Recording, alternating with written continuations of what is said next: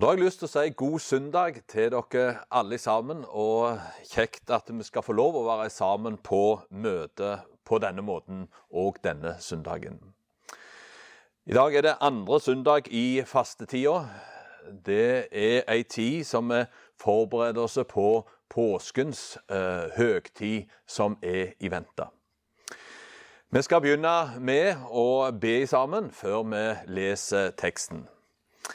Herre Jesus, vi takker deg for det at du som er den allmektige Gud, og denne søndagen vil møte oss gjennom ditt ord. Vi ber om De hellige ånds nærvær over den enkelte av oss, at ditt ord kunne få nå inn til våre hjerter. Takk, Herre Jesus, for at vi enda en gang skal få åpne Bibelen framfor hverandre. Vi ber om ei nådestund i ditt navn. Amen. Teksten eh, denne søndagen den er henta fra Lukas kapittel 7, og fra vers 36 til og med vers 50. Vi skal lese den i Jesu navn. En av fariseerne innbød ham da til å spise hos seg. Jesus kom til fariseerens hus og tok plass ved bordet. Se, nå var det en kvinne der i byen som var en synderinne.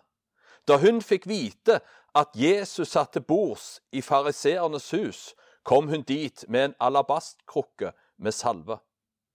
Hun stilte seg bak Jesus ved hans føtter og gråt. Hun begynte å hvete føttene hans med tårer og tørke dem med sitt hår. Og hun kysset hans føtter og salvet dem med salven. Men da fariseerne som hadde innbudt ham, så dette, sa han ved seg selv. Var denne mann en profet, da visste han hvem og hva slags kvinne det er som rører ved ham, at hun er en syndig kvinne. Da svarte Jesus og sa til ham, Simon, jeg har noe å si deg. Og han sa, Mester, si det. En pengeutlåner hadde to skyldnere. Den ene skyldte han 500 denarer, den andre 50. Men da de ikke hadde noe å betale med, ettergav ham den begge gjelden. Hvem av den vil elske ham mest? Simon svarte og sa, Jeg antar at det er den som eh, han etterga mest. Han sa til ham, Du dømte rett. Så vendte han seg mot kvinnen og sa, til Simon, Ser du denne kvinnen? Jeg kom inn i ditt hus, og du gav meg ikke vann til føttene, men hun vette mine føtter med tårer, og hun tørket dem med sitt hår. Du gav meg ikke noe kyss, men hun har ikke holdt opp med å kysse mine føtter fra den stund jeg kom inn. Du salvet ikke mitt hode med olje, men hun salvet mine føtter med salve.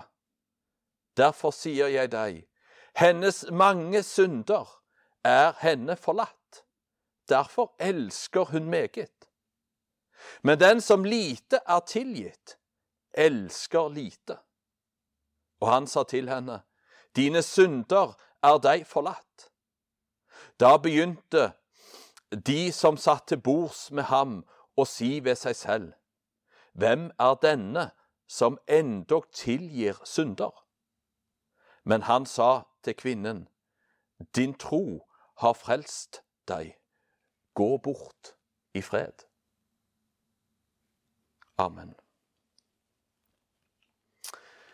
I Nytestamentet så møter vi ofte Jesus i møte med mennesker som vi kanskje ytre sett vil si levde et syndig liv.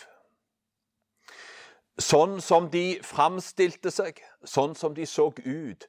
Ja, det var Kanskje vi kunne endog brukt ordet de, de gjorde grove synder, eller de levde et grovt, syndig liv. Kanskje vi kunne brukt sånne karakteristikker på disse menneskene. Vi kan ta kvinna ved Sykars brønn, som vi leser om i Johannes evangeliet. Hun som kom til brønnen midt på dagen, fordi at hun håpte at hun ikke skulle treffe noen andre. Der møter du Jesus som sitter der. Og de kom i prat. Han, Jesus ber om vann, og, og de snakker der i sammen.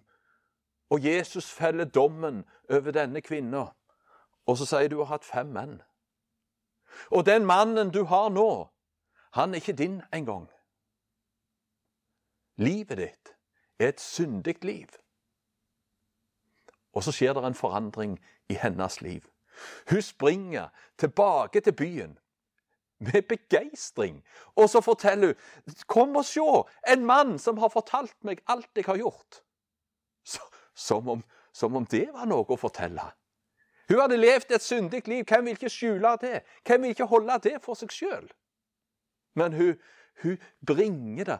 'Kom og se en som har fortalt meg alt jeg har gjort.' Hun hadde fått møtt den sjuende mann det hellige tall. Hun hadde fått møtt Jesus, som hadde forandra hennes liv. Vi møter tolleren Sakkeus. Han som hadde levd av å kreve inn for mye penger av folk. Som var på mange måter en som alle så på. Han var en toller. Og der han sitter i treet, så kommer Jesus, og så tar han inn i hans hus. Og så skjer forvandlingen. Ja, har jeg krevd for mye penger av noen, ja, så skal de få, få det igjen med renter. En forandring. Og så har jeg tenkt på kvinner som var grepen i hor, som vi òg leser om i Skriften. De kom dragende med ei kvinne som var tatt på fersken, der hun var med en mann som ikke var hennes, og så kommer de fram for Jesus, og så sier de dommen for henne det er at du skal steines. Det sier loven. Og så sier Jesus, den av dere, så sier han til fariseerne, til alle som står der, den av dere som er uten synd, han kan kaste den første steinen. Og så står det så flott i Skriften. Når alvoret går inn, så står det og de gikk bort, én etter én den eldste først. Når livet åpenbares i Guds lys, så blir vi syndere for Gud. Asbjørn Norgård han bok, har skrevet en bok som heter 'Bibelen personlig'. Og I den boka så skriver han om denne historien om kvinner som var grepen i hor. Og overskrifta på det stykket, det det har, har, jeg tenkt på mange ganger. For der står det 'Mannen som slapp unna', er overskrifta. For vi har fokusert veldig på denne kvinna, som ikke noen kasta en stein på, som fikk tilgivelse. For Jesus sier heller ikke jeg fordømmer deg. Gå bort og synd ikke mer.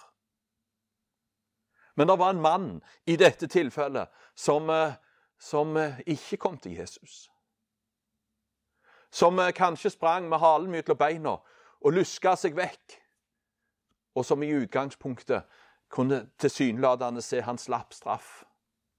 Han slapp uh, gapestokken. Unngått dette. Men uh, når vi ser i Bibelens lys, og vi ser i evighetens perspektiv,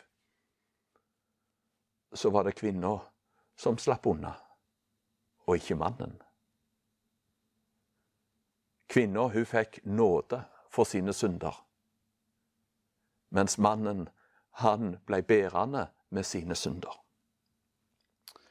Jeg har tenkt, i, når jeg leste og arbeidet med denne teksten Synda som vi gjør Altså våre syndige handlinger kan få store konsekvenser for oss i livet. Ja, det kan det.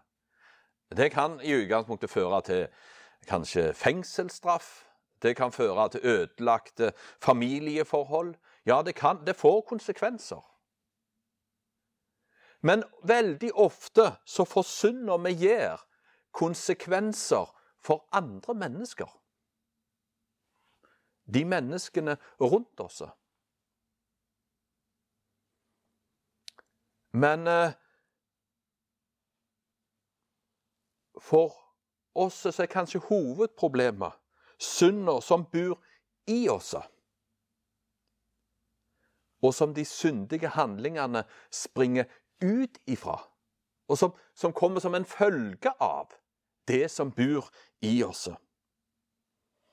Og her er det ofte vanskelig å få øye, øye på det. Vi ser ikke det så godt. Det er mye enklere å se det som vi kan få, få rydda i. De tingene vi kan få orden på i livet.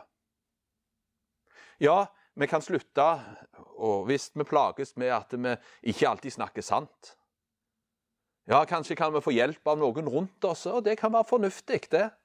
Å rydde i en del av de tingene. Vi kan forbedre oss på andre områder. Vi kan bli flinkere å møte andre mennesker. Vi kan bli flinkere til å gi av vår overflod. Vi kan bli flinkere på mange ting. Ja, kanskje vi kan bli enda så flinke at nå syns vi vi har fått orden på livet. Det kan vi ordne.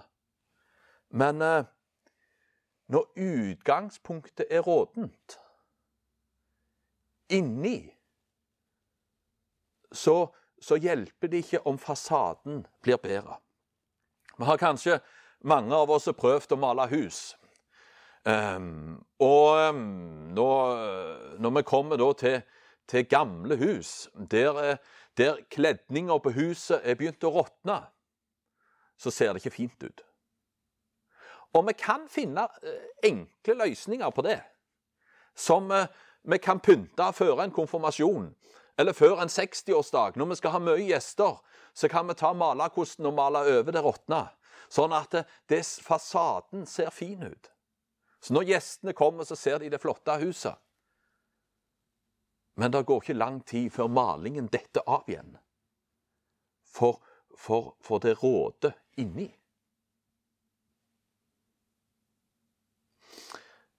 Kvinna er klar over sin situasjon.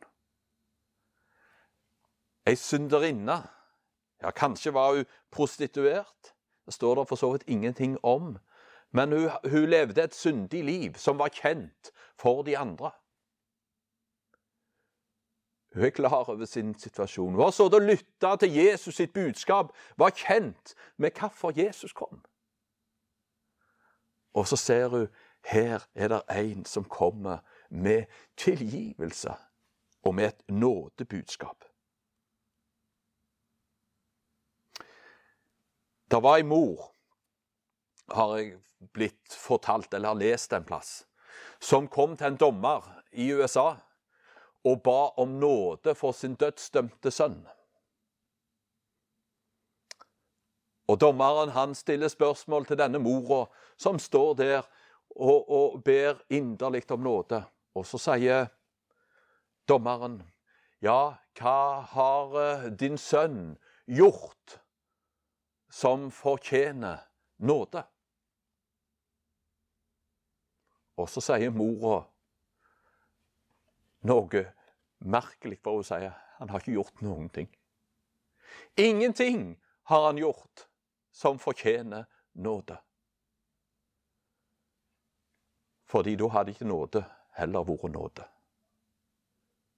Hun ba om nåde. Hun ba om at han skulle gå fri. Ikke fordi han fortjente det, men fordi at dommeren sa at straffa tok han på seg, eller straffa ble tatt på han.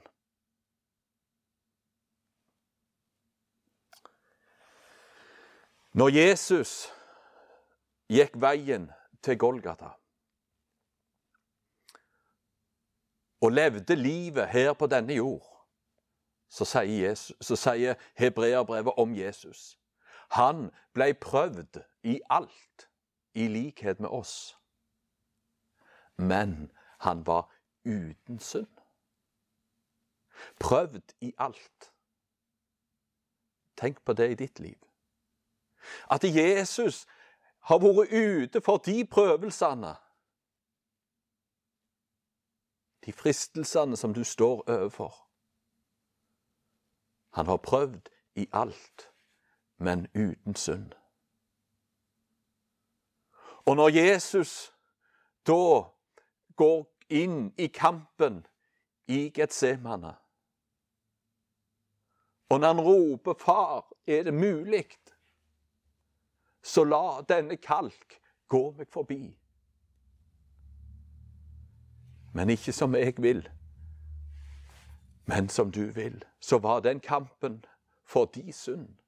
Fordi ditt råde liv, ditt som er sånn som det ikke skulle være, så var det det livet som Jesus tok med seg på korset.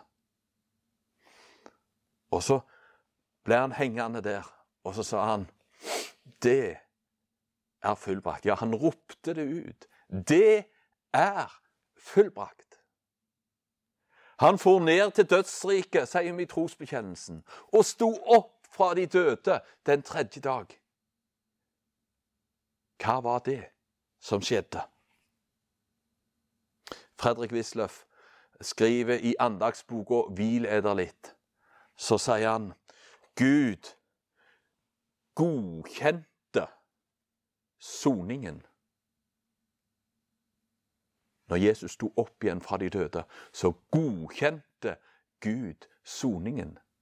Og så forsonte han verden med seg sjøl. Forsoningen var fullkommen. Så sier Jesus videre her i møte med Simon Og så bruker han dette bildet om den som er mye tilgitt. Den elsker mye. Det blir ofte sett opp imot i Skriften mot penger. Paulus bruker òg det om skyldbrevet. Ja, det som var skrevet med bud, det som gikk oss imot, det tok han bort da han naglet det til korset. Og her er det halvannen eh, årslønn eh, med 500 denarer mot eh, kanskje to måneders lønn med de 50 denarene. Og så står de der med en svære summer, og så får de ettergitt all gjeld. Og så var de like tilgitt, begge. Men de må øh, Men den ene på mange måter ser storheten i dette, og han kan ikke holde opp med å takke. Og synda var like stor hos de begge. I Skriften så, så er vi syndefordervet i oss. Vi er skilt ifra Gud.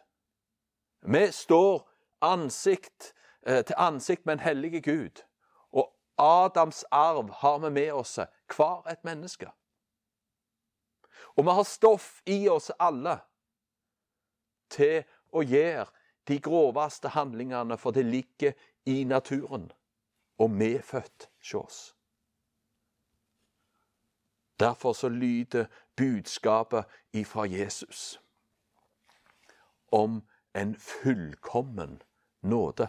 Gjeldsbrevet, skyldbrevet, det er utsletta. Kvinnen hun kunne ikke holde opp med å kysse Jesu føtter. Hvordan er det med deg? Får du hvile i det fullkomne som Jesus? Er det det at Jesus dør for deg, som er viktig i livet ditt? Er det Han du har å klynge deg til? Eller du begynt å pusse på fasaden og male råden kledning? Du skal få komme til Jesus nå, i dag. Han står med utstrakte hender, og så sier han 'kom'. Alt er ferdig. Kom til meg. Der du sitter, i sofaen, eller hvor du sitter med mobilen din nå, skal du få komme til Jesus og få ta imot Han. Paulus skriver om dette når han hilser til Timoteus. Så sier han, sier han det sånn Dette er et troverdig ord, sier han. Fullt verdt å motta. Kristus Jesus kom til verden for å frelse syndere. og blant dem er jeg den største. Men jeg fikk miskunn for at Jesus Kristus på meg først kunne vise hele sin langmodighet til et forbilde for dem som skal komme til tro på ham til et evig liv. Han kom for deg. Og han viste sin nåde òg mot Paulus, som sier om seg sjøl er den største synderen. Og så er det et forbilde, for han kan vise nåde, og vise nåde òg overfor deg. Jesus er veien og sannheten og livet. Ingen kommer til Faderen uten ved Han. Takk, Herre Jesus, for at du er den som har frelst oss. Og du har gjort alt ferdig. Og så ber jeg Herre Jesus om at vi kunne få se dette, og få hvile i dette, og få klynge oss til dette. At vi får være på vei mot det evige mål, med blikket festa på deg. Velsigner du den enkelte. Du ser og kjenner de hver en. I ditt navn. Amen.